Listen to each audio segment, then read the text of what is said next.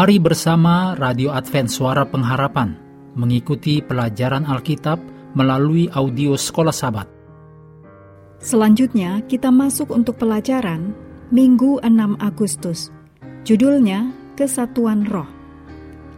Mari kita mulai dengan doa singkat yang didasarkan pada Efesus 4 ayat 3. Dan berusahalah memelihara kesatuan roh oleh ikatan damai sejahtera. Amin.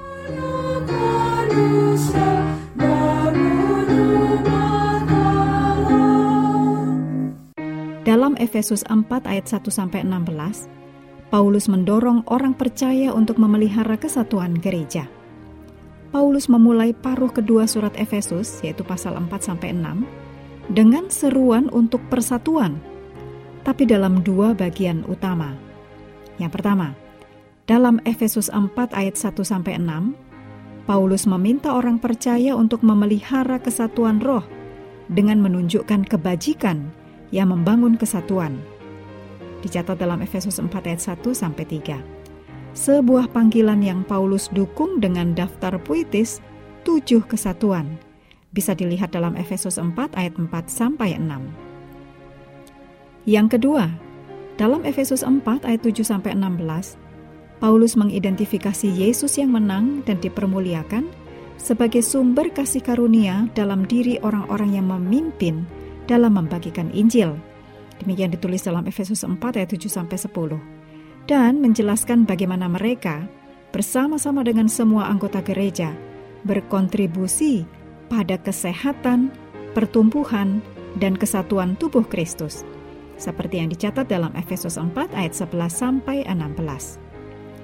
Ketika pasal ini dimulai, Paulus mengundang orang Kristen supaya hidupmu sebagai orang-orang yang telah dipanggil berpadanan dengan panggilan itu.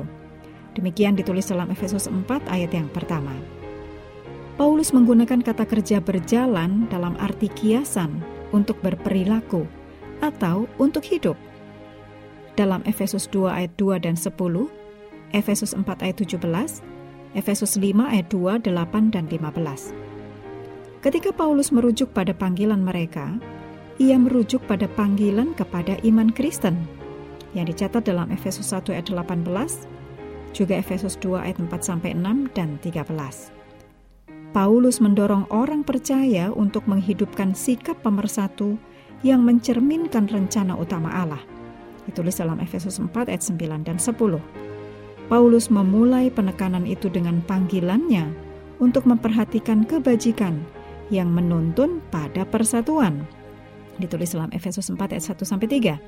Seperti kerendahan hati, kelemah lembutan, dan kesabaran. Mari kita lihat setiap istilah ini. Paulus di ayat lain menjelaskan istilah kerendahan hati, yaitu dalam Efesus 4 ayat 2, dengan menambahkan gagasan untuk menganggap yang lain lebih utama daripada dirinya sendiri, seperti yang dicatat dalam Filipi 2 ayat 3. Dengan demikian, kerendahan hati dapat dipahami bukan sebagai kebajikan negatif dari mencela diri sendiri, dapat dilihat dalam Kolose 2 ayat 18 dan 23. Tetapi, kerendahan hati sebagai kebajikan positif dari menghargai dan melayani orang lain. Kelemah lembutan ditulis dalam Efesus 4 ayat 2 dapat dijelaskan sebagai sifat tidak terlalu tertarik oleh kepentingan diri sendiri dan juga berarti kesopanan, perhatian, kelemah lembutan. Demikian dituliskan oleh Frederick Denker dalam edition Greek English Lexicon of the New Testament and Other Early Christian Literature edisi ketiga halaman 861.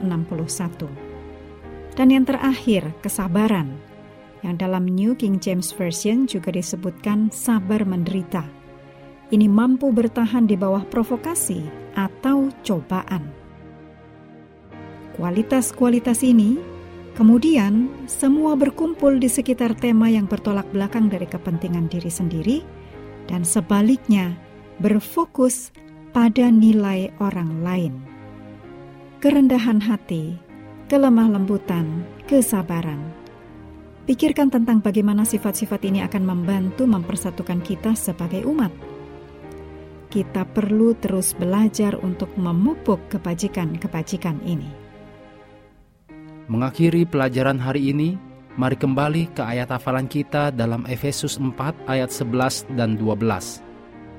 Dan ialah yang memberikan baik rasul-rasul maupun nabi-nabi, baik pemberita-pemberita Injil, maupun gembala-gembala dan pengajar-pengajar untuk memperlengkapi orang-orang kudus bagi pekerjaan pelayanan bagi pembangunan tubuh Kristus.